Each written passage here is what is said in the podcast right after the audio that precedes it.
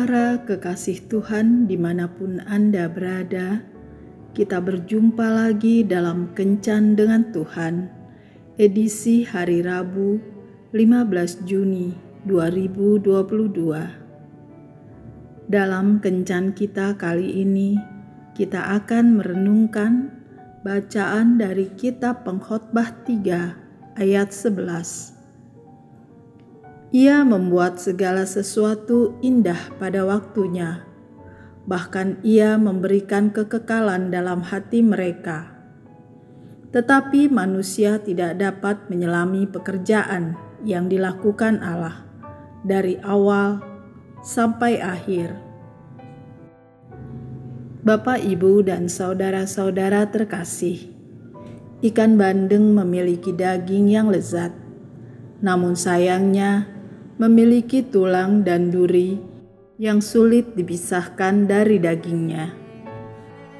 Salah satu cara mengatasi masalah ini adalah dengan mengolah bandeng menjadi bandeng presto. Bandeng diolah dengan pressure cooker, alat masak yang bekerja dengan memberikan tekanan tinggi.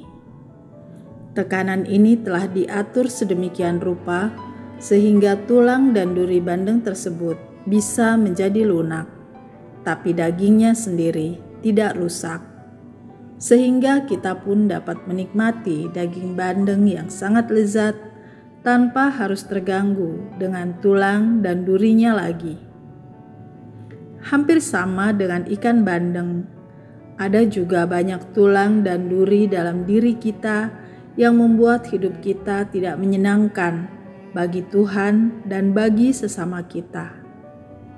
Mungkin tulang dan duri itu berupa kesombongan, ketidakpercayaan, kekerasan hati, iri hati, dendam, amarah, dengki, pola pikir yang salah, dan sebagainya.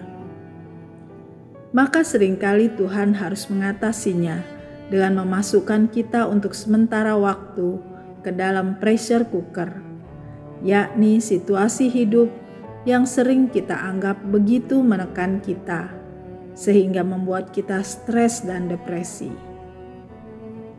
Tapi percayalah, setiap tekanan yang diizinkan Tuhan terjadi dalam kehidupan ini tentu dengan takaran tekanan yang sudah Tuhan atur, sehingga tidak akan melebihi kemampuan kita untuk menanggungnya cukup kuat untuk melunakkan berbagai macam tulang dan duri yang ada di dalam diri kita, sehingga membentuk karakter kita, tetapi tidak akan pernah sampai membuat kita menjadi hancur.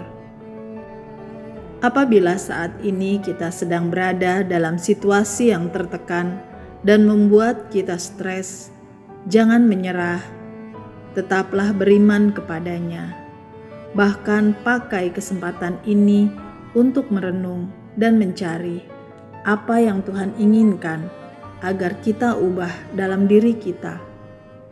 Lalu jalani dengan kesabaran dan ketekunan agar melalui proses ini kita menjadi pribadi yang lebih baik. Pribadi yang berkenan kepada Tuhan dan menyenangkan hatinya. Tuhan Yesus memberkati. Marilah kita berdoa.